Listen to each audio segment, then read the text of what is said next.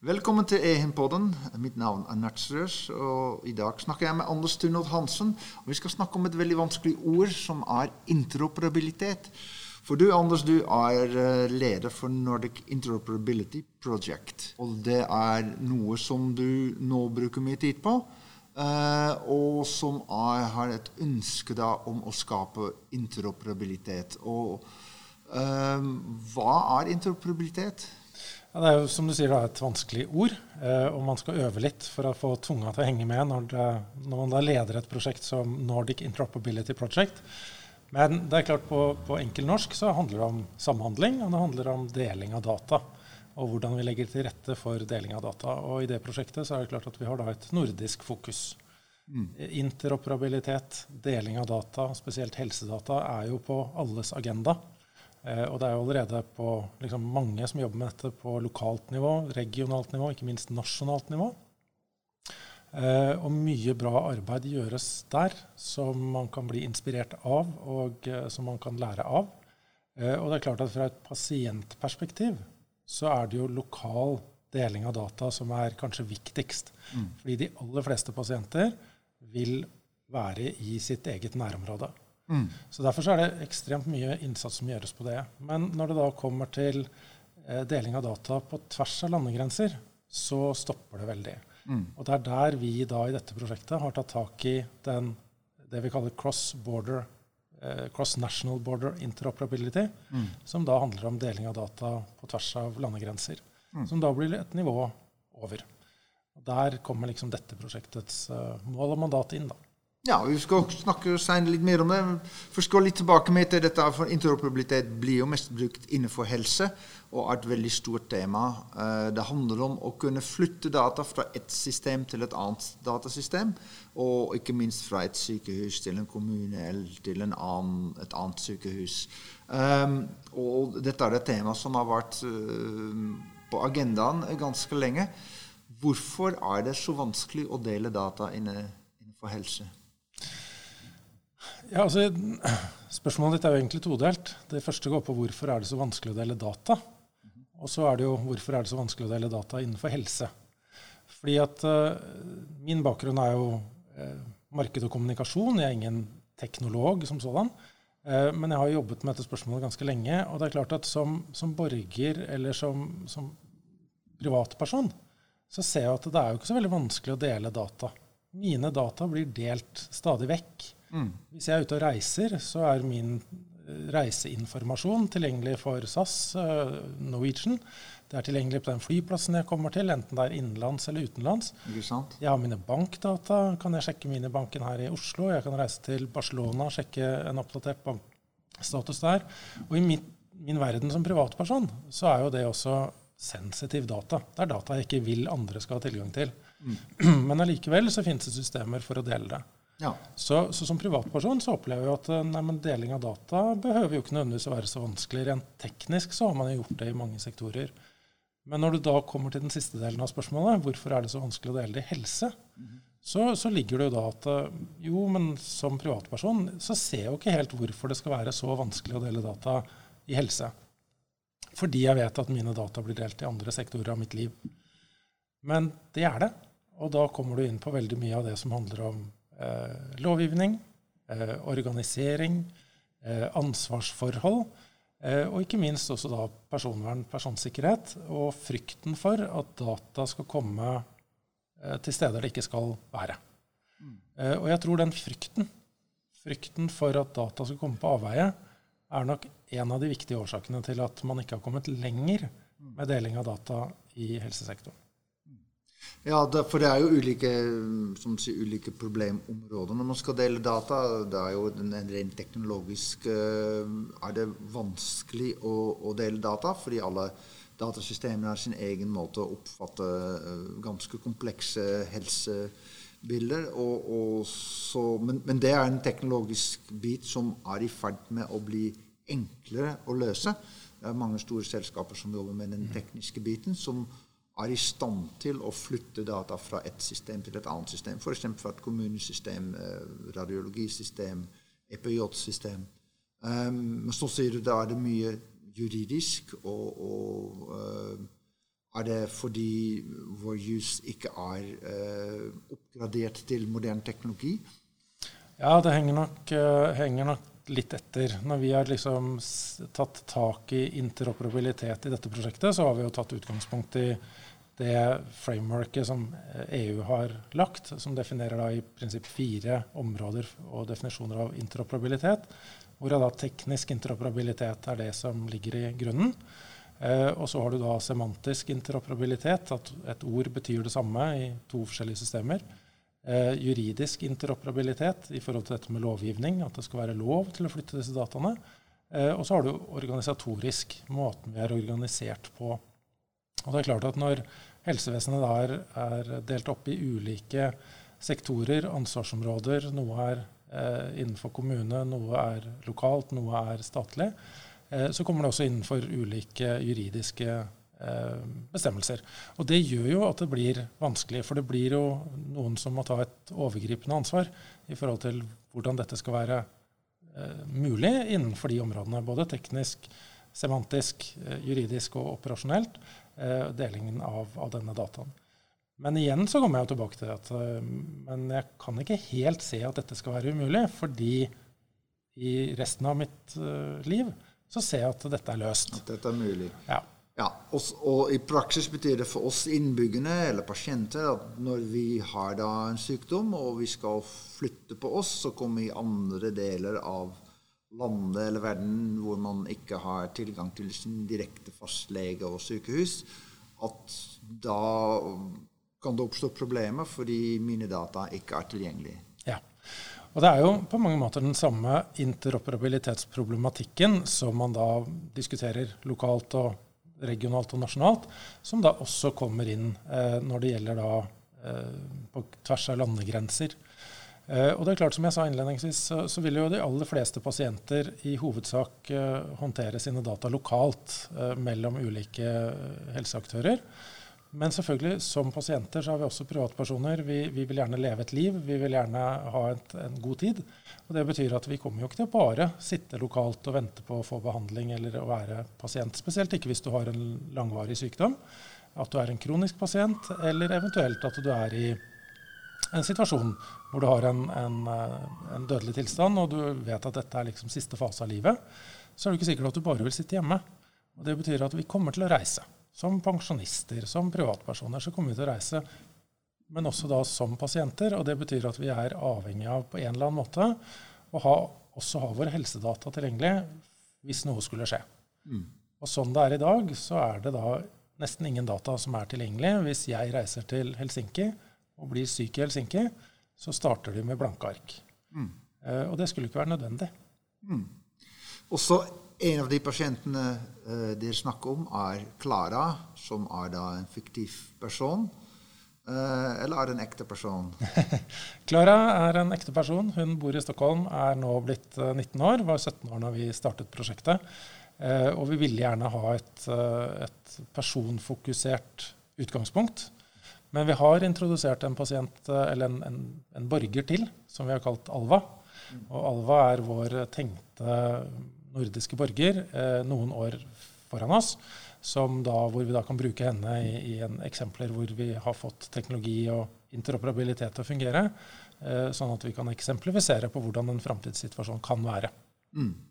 Men Klara er en pasient eh, som har diabetes, kronisk pasient, og aktiv uh, vannpolospiller, så hun reiser en god del. Og vi brukte en del tid sammen med henne i starten for å forstå hennes hverdag og familien hennes sin hverdag i forhold til da f.eks. å reise på treningsleir i utlandet. Hva, hvordan ville situasjonen være? Og det var fascinerende å intervjue henne, fascinerende å bli kjent med henne. fordi at det som imponerte meg eh, når jeg liksom kommer utenfra og, og liksom blir kjent med henne, er jo da eh, med hvilken innsikt og kompetanse hun hadde rundt sin egen sykdom, sin egen situasjon.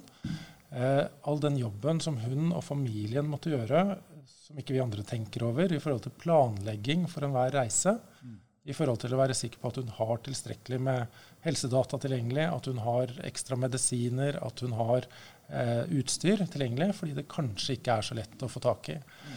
Og når hun da vil være en aktiv ung jente på 17 år og er, være aktiv i sin sport, så er det klart at hun vil også være med å reise.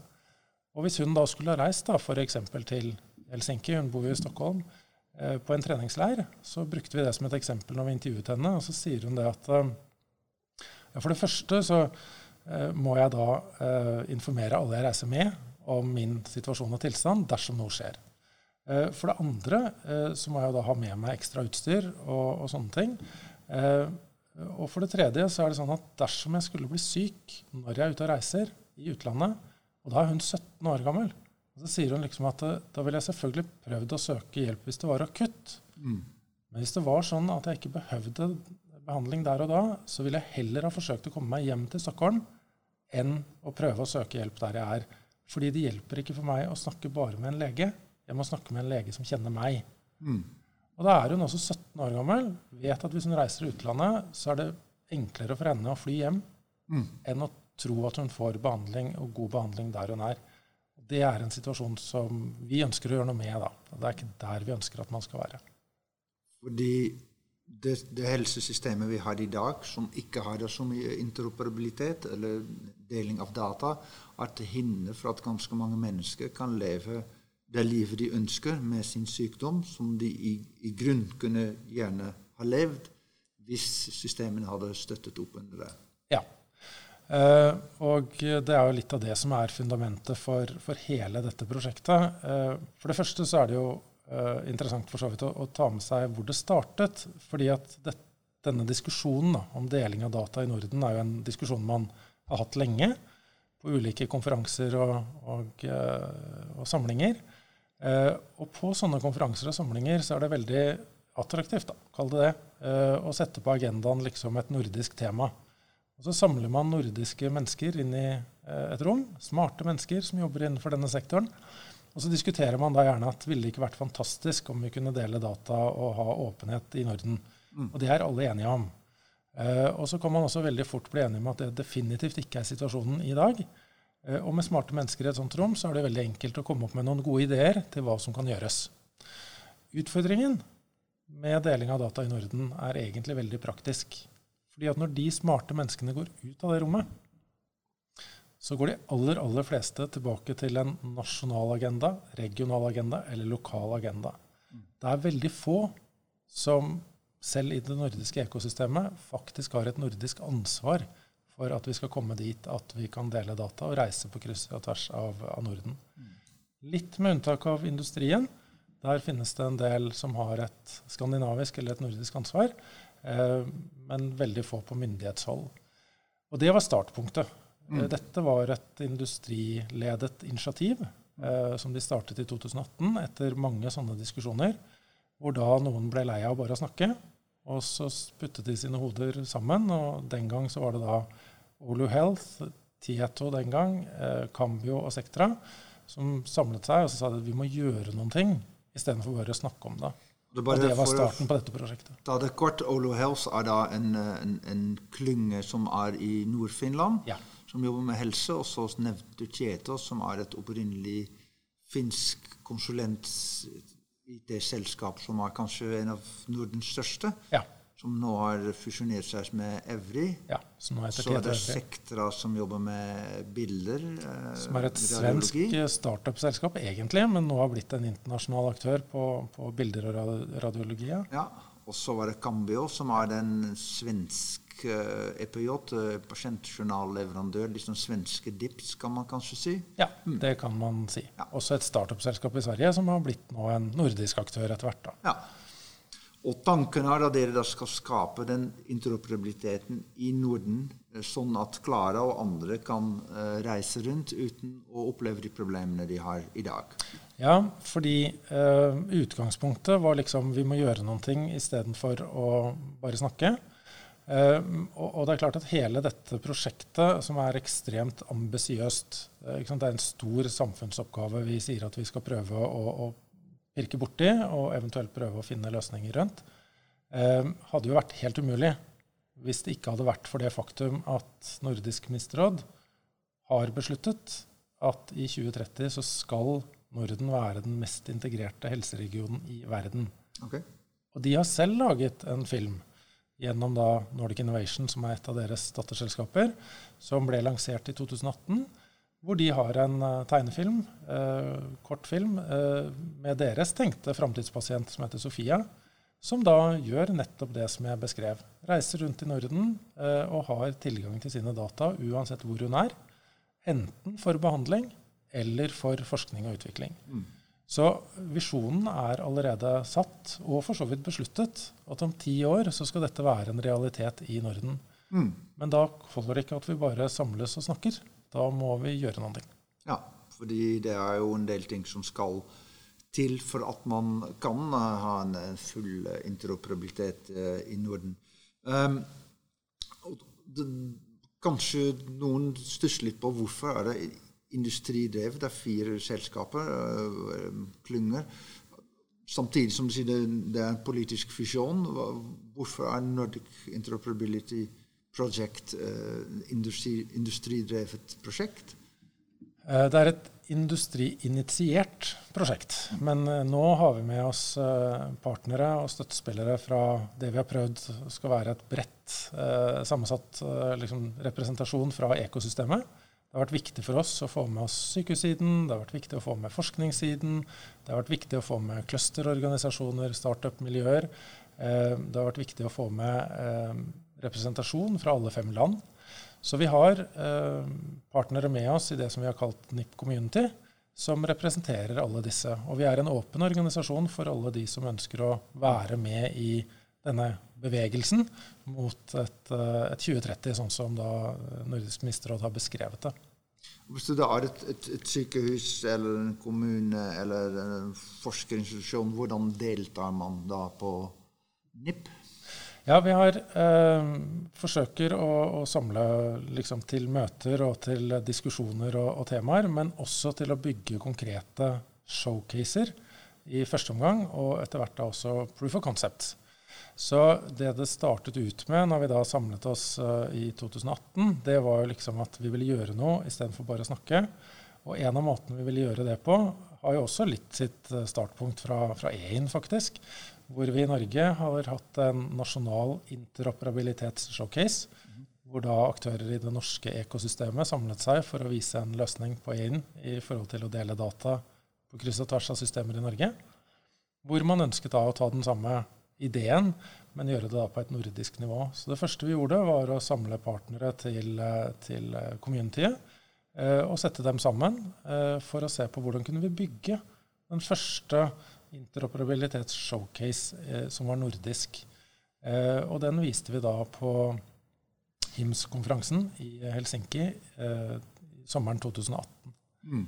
Eh, hvor vi da faktisk hadde med oss Klara, eh, og vi hadde Alva, som vi da fortalte historien til. Hvor da Alva reiste fra Stockholm til eh, Helsinki. og så hennes data på systemet i, i Sverige. Vi så at det, den dataen ble tilgjengelig på det finske systemet. Vi la til informasjon. Eh, så hvordan det kunne lagres ned i et finsk system. Vi sendte henne da til Danmark i denne tenkte scenarioet. Eh, og så hvordan dataene fulgte henne rundt omkring i, mm. i, Norden. Og med det så ønsket vi liksom å vise at den tekniske interoperabiliteten den klarer vi å løse med mm. bruk av internasjonale standarder og, og kriterier i bakkant. Eh, og så ønsker vi da på toppen av det til å invitere til dialog og diskusjon. Mm. Så når vi sto der, og det gjelder alt det arbeidet som NIP gjør, så sier vi ikke at det vi gjør, er løsningen, eller løsningen er, for interoperabilitet og deling av data, men vi sier at det er én mulig løsning. Mm. Eller noen lø mulige løsninger. Og så ønsker vi den involveringen eh, i form av diskusjoner, innspill, ideer, nye tanker. Så når vi står og viser uh, denne showcasen, eller nå etter hvert de nye versjonene av showcasene, så, så vil vi gjerne ha uh, debatt. Vi vil gjerne at noen sier at det, det, der blir helt feil, vi må gjøre det på en helt annen måte. For da er det veldig interessant å få tak i hva er den andre måten vi da heller kunne gjort det på. Uh, så vi ønsker jo liksom å stimulere da, så alle de som ønsker å se denne visjonen bli en realitet, til å kontakte oss, bli med i diskusjonene, bli med i debattene. Vi ønsket jo å være på så mange fysiske steder som mulig, eh, og hadde jo eh, planer om både roundtable discussions og vise denne showcasen i mm. alle fem land. Men der ble det jo da naturlig nok en liten begrensning for et år siden, så da har vi flyttet over digitalt. Det er klart det å vise en showcase digitalt er ikke det samme. Men vi holder det, holder det gående på det. Også. Ja. Men, men du, hvorfor, hvorfor, skal man gjøre dette her nordisk? For dette er jo et problem over hele verden. Hvorfor skal man ikke ta med Tyskland, England, Australia og, og Brasil for den slags skyld? Jo, og det er jo på alles agenda, egentlig. Eh, sånn rent politisk så vil man gjerne ha samarbeid og deling av data på tvers. Eh, og det er klart at jeg som privatperson, jeg som pasient, ønsker ikke bare å være lokal, jeg ønsker å reise. Men jeg ønsker jo ikke bare å reise i Norden, selv om det er fint i Norden. Eh, så det er klart at det problemstillingen kommer jo videre i forhold til hva da med Europa, hva da med Amerika. Vi har valgt å ta tak i Norden som en, kall det en testbed for sånne løsninger. Eh, av ulike årsaker. For det første så tror vi Norden med den politiske beslutningen som ligger der, har en veldig god forutsetning for å være en spydspiss i forhold til å eksemplifisere deling av data på tvers av landegrenser. Det andre er jo at vi har historiske, eh, altså historiske årsaker til at vi har et godt samarbeid. Vi, vi, har en velferdsmodell som er relativt lik i de ulike land. Vi snakker mer eller mindre det samme språket. Eh, vi har mer eller mindre samme kultur og historie. Så, så, vi utelukker ikke dialog med Europa, Australia, New Zealand, Amerika, Canada, hvem det måtte være. Men vi har lyst til å gjøre Norden til testbedet for å få det til. Og så vil vi gjerne spre den kunnskapen til andre. Hvis jeg begynner på den andre siden, for den interoperabiliteten funker heller ikke i, i Norge for fullt. Nei. Hvorfor er ikke dette Norwegian Interoperability Project? og, det, jo, og det er jo et veldig godt spørsmål. Det er rett og slett fordi at det er ganske mange som har i sin stillingsbeskrivelse at de skal prøve å jobbe med å løse nasjonal eh, deling av data. Så den problemstillingen er allerede på manges agenda. Eh, og, og, som jeg sa innledningsvis, det gjøres veldig mye bra jobb der. Jobb som vi kan bli inspirerte av, og som vi kan lære av. Uh, og, og, løsninger som vi kanskje kan være med på å løfte fra et lokalt initiativ til et nordisk fokus. Uh, vi tror jo liksom ikke på at man behøver å gjøre fem forskjellige løsninger for deling av data og interoperabilitet. Vi vil gjerne være med på å løfte fram gode eksempler som de andre landene kan bli inspirerte av. Eh, sånn at vi sammen eh, beveger oss raskere mot dette målet om 2030. For det er ikke langt unna. Det er ti år til. Så jeg tror at vi trenger å bruke alle gode krefter eh, på det.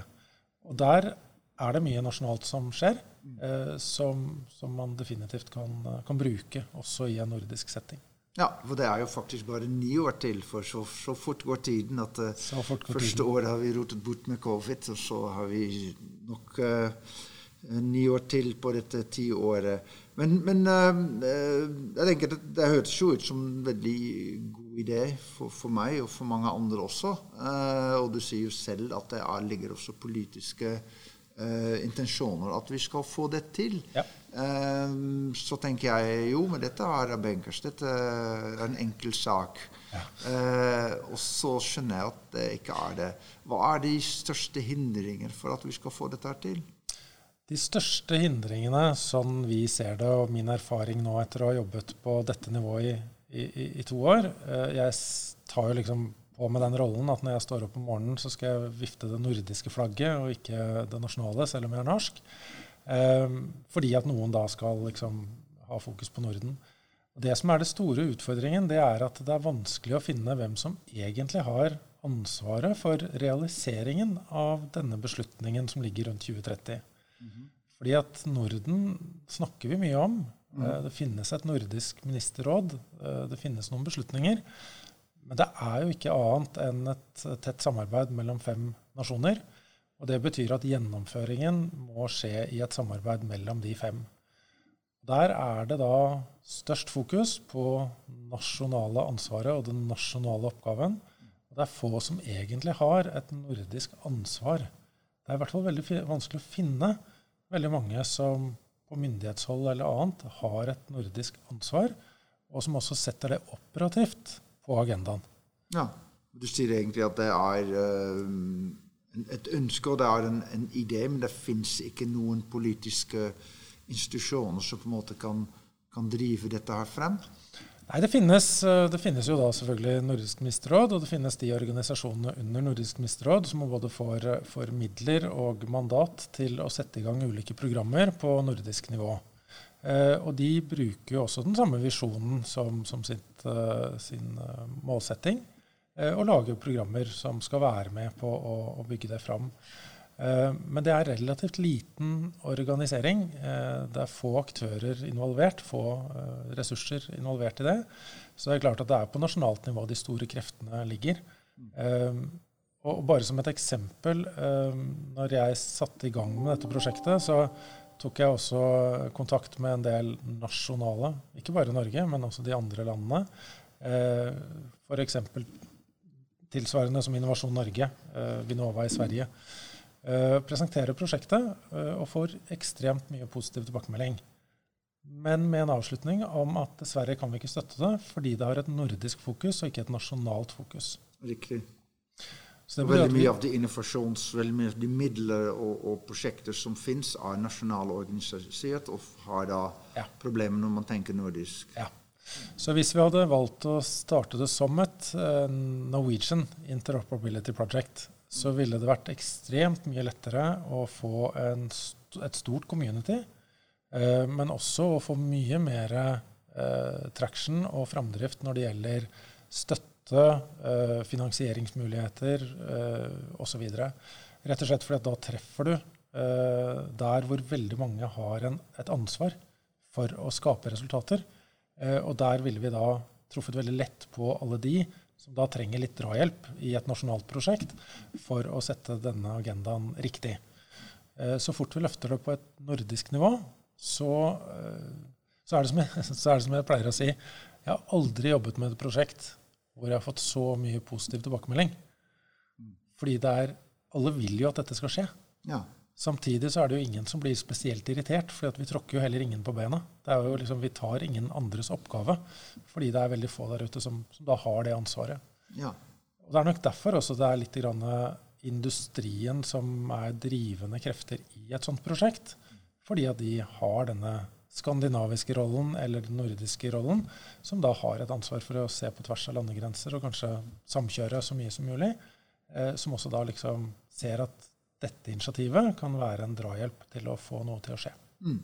Og, og hvis, hvis, hvis, vi ikke tenker nordisk, kan man da for, se for seg en fremtid hvor alle land har sitt eget system, men ikke greier å kommunisere sammen? Er det, er det reell fare ja. i det?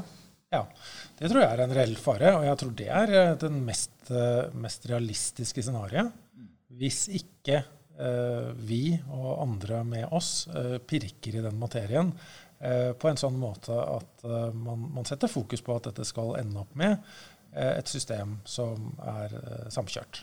Mm. Og Der har vi også tatt noen initiativer her. Vi, vi prøver å ha en pragmatisk tilnærming. så f.eks. et av de benene Vi, vi jobber ut fra tre ben. Det ene er liksom deling av data, kvalitetsdata, ut ifra denne rapporten som heter Data Commons. Altså hvordan kan vi koble datasjør på tvers av Norden. Der gjør vi en pilot nå med, med, sammen med noen universitetssykehus for å se om vi kan eh, løfte problemstillingen om deling av AI-modeller. Men det andre benet vi jobber med, det er eh, å se på dette med eh, evaluering og aktivering av digitale helseløsninger. Mm. Eh, og der har vi tatt, eh, kikket på løsninger som finnes i andre land, eh, blitt inspirert av det, og så har vi tatt en pragmatisk tilnærming. Alle fem land ønsker å evaluere digital helse, ønsker å guide sine, sin befolkning på hva som er en god løsning, og hva som er en mindre god løsning. Eh, alle nasjonale myndigheter jobber med det nå. Finne ut hva skal være kriteriene. Det er grunn til å tro at de fem landene i hver sin boble kommer til å komme fram til ganske like kriterier for hva som er en god løsning, og hva som er en mindre god løsning. Eh, og da tenker vi at det er jo ikke noe vits at fem land gjør hver sin løsning på dette, for så å prøve å smelte dette sammen før 2030. Så der tok vi et initiativ, fått støtte nå fra nordiske myndigheter, til å se på hva som finnes der ute i verden. Lage en nordisk, felles nordisk modell for evaluering av digital helse. Eh, en felles plattform for hvordan dette operativt kan evalueres. Og ikke minst også se på hvordan dette kan i et nordisk eh, bibliotek gjøres tilgjengelig på tvers av eh, fem land. Eh, for at helsevesenet skal kunne ta det i bruk nasjonalt, regionalt eller lokalt. Men for industrien så vil det jo bety at man får ett sted hvor man da kan gjøre sin evaluering og få en godkjenning fra de nordiske kriteriene. Og da kunne distribuere sin løsning i fem land istedenfor å gjøre det fem ganger for å få fem markeder. Det, så det er jo en kobling her. Blir det enklere og billigere å gjøre dette her også? Enklere, billigere, mer effektivt. Og jeg tror at det som er viktig i akkurat det prosjektet, er jo ikke nå å bruke tre, fire, fem år av de ti vi har, uh, på å eh, finne ut hva som er evalueringskriteriene, men heller komme i gang. Fordi at den store verdien på digitale helseløsninger, helseapper osv., det er jo på aktiveringen. Få dem ut i helsesektoren. Få dem eh, opplært på å være trygge på å bruke det, og ikke minst få pasientene til å bli en, ta aktiv del i sin egen helse. Både når det gjelder som pasient, men også når det gjelder det som er forebyggende helse. Mm. Så hva, hva, er deres agenda de neste to-tre årene? Hva er det dere skal jobbe mest med? Ut ifra da eh, samlingene, diskusjonene vi hadde med det partnernettverket vi skapte etter at vi startet prosjektet, så bygde vi jo den første konkrete showcasen, eh, som vi da viste eh, i, Helsinki. Ut fra den så inviterte vi til masse diskusjon og debatt for å skape en versjon 2.0 av den showcasen. Og vi har laget nå en versjon 3.0 som vi skulle ha vist i fjor, men det ble jo ikke fysisk. Vi har vist den digitalt. Og ut ifra det så har det da begynt å utkrystallisere seg tre områder hvor vi som prosjekt ønsker å bidra til å skape muligheter for industriutvikling og helseutvikling. Mm. Og De tre benene som vi nå jobber med, det er da det øverste benet er det vi har kalt Nordic Data Lake, hvor vi ser på hvordan vi i praksis kan gjøre denne rapporten Nordic Data Commons til noe konkret ved å nå kjøre en konkret pilot på deling av data, dvs. Si bruk av AI-federative løsninger fra AI-modeller, hvor vi ikke flytter dataene ut av landegrensene, men prøver å trene en AI-algoritme på nordiske data uansett, eh, som ett ben. Hvordan kan vi liksom bruke nordiske data til det beste for Norden? Det andre benet det er der hvor vi nå tilbyr og kommer ut i markedet og tilbyr den jobben vi har gjort med å bygge en nordisk evalueringskriterium og operasjonell modell for evaluering av digitale helseløsninger. Og Det tredje benet vi kikker på, det er, det et ben som vi har definert som et Nordic Health Passport. For Vi skal jo ikke glemme oppi dette her at det vi ønsker, er jo at Klara og Alva skal ha tilgang til sine data. Og det å begynne å kikke på digitale løsninger for, eh, for å samle helsedata som individ kan være interessant. For det vi startet med innledningsvis, er jo dette med hva er interoperabilitet. Mm. Eh, deling av data, tilgjengeliggjøring av data der hvor pasienten behøver det. Og da er Den tradisjonelle måten å tenke på er at da må vi pushe data fra ett system til et annet til et tredje, sånn at systemet har dataene der hvor pasienten kommer. Eller kan hente dataene der hvor pasienten er. Men det er jo en snedig tanke å tenke at kanskje det finnes en alternativ måte å tilgjengeliggjøre de dataene. For er det én person som alltid er til stede i et behandlingsløp, så er det pasienten. Ja. Kanskje kan vi bygge en digital løsning, et digitalt helse, helsepassport, kall det hva du vil, hvor da eh, du og jeg blir bæreren digitalt av vår egen informasjon. Sånn at du og jeg gir eh, Eller setter et forventning til at den data som finnes om oss, kan lastes ned på vår egen eh, health passport. Ja sikkert og stødig, men med samtykke fra meg som privatperson. Jeg vil at mine helsedata skal være i en løsning jeg har tilgang på. Mm. Og det betyr at Klara eller Alva kan reise til Finland og gi tilgang til data til de som måtte da ønske å behandle henne, henne eh, på det stedet. Og da snakker du ikke om en slags chip vi skal implementere i bak ørene våre, men da snakker du om et, eh, et ja. sted på nett, eh, det store internettet, hvor man på en måte kan Ja, en digital, en digital, løsning som gjør at eh, den papirmappa med, med pasientjournal som du kanskje løper rundt med i dag, kan være digital. Og hvor man sier at Jo, men altså, Vi var inne litt på det. Hvorfor er det så vanskelig med helsedata? Mm. Og Det er jo litt sånn frykten for at den skal komme på avveie. Den er stor. Men det vi tenker litt på, er at hvis jeg som eier av den dataen, da, mine data, hvis jeg sier at jeg vil ha det digitalt lagret i en løsning jeg har tilgang til, mm. ja, så kanskje kan vi komme litt rundt det, for da er jeg i kontroll over mine data. Mm. Vi sier ikke at det er enkelt. Ingenting av det vi jobber med, er enkelt, og ingenting er så enkelt som det jeg presenterer det som. Eh, men vi må starte et sted. Eh, og den tanken kan kanskje lede til en pilot, mm. som da kanskje kan lede til flere gode diskusjoner om hvordan ønsker vi egentlig at dette skal være. For vi kan pushe data fra system til system, tradisjonell interoperabilitet. Mm. Eller vi kunne jo tenke oss at borgeren eller pasienten ble bærer av sin egen informasjon. Det er en spennende tanke. Eh, I løpet av dette året vil vi få en ny eh, helseminister i Norge. Ja. Uh, uansett, fordi Bent Høie har sagt at han etter år, åtte år skal slutte. hva skal den nye helseministeren tenke på når det gjelder interoperabilitet? Ja, jeg, tror, jeg, tror, den nye helseministeren skal fortsette å tenke på nasjonal interoperabilitet. Det er der eh, behovet er størst, verdien er størst. Og jo flere nasjonale løsninger for deling av data, jo bedre er det. Men samtidig så må vi forstå at eh, vi er som borgere, så er vi ikke bare pasienter i et lukket helsevesen. Det er så lett å tenke for alle oss som jobber med helsevesenet til daglig, at eh, vi lever i vår egen lille boble. Men poenget er jo at vi er borgere. Og jeg tror ikke at du og jeg som borger kommer til å akseptere så veldig lenge at vår helsedata ikke er tilgjengelig på samme måte som annen sensitiv data. Så jeg tror det er viktig fra et nordisk perspektiv hvis vi ønsker å opprettholde den nordiske velferdsmodellen, mm. hvor staten tar vare på oss, vi er villige til å betale høye skattepenger for det, eh, ja, så må Norge og Norden komme raskere på banen med framtidsrettede løsninger rundt deling av data. Mm. For hvis ikke de gjør det, så fins det andre der ute utenfor Norden som er villige til å ta vare på din og min helsedata. Og det kan fungere veldig bra for deg og meg, men det er ikke den nordiske velferdsmodellen.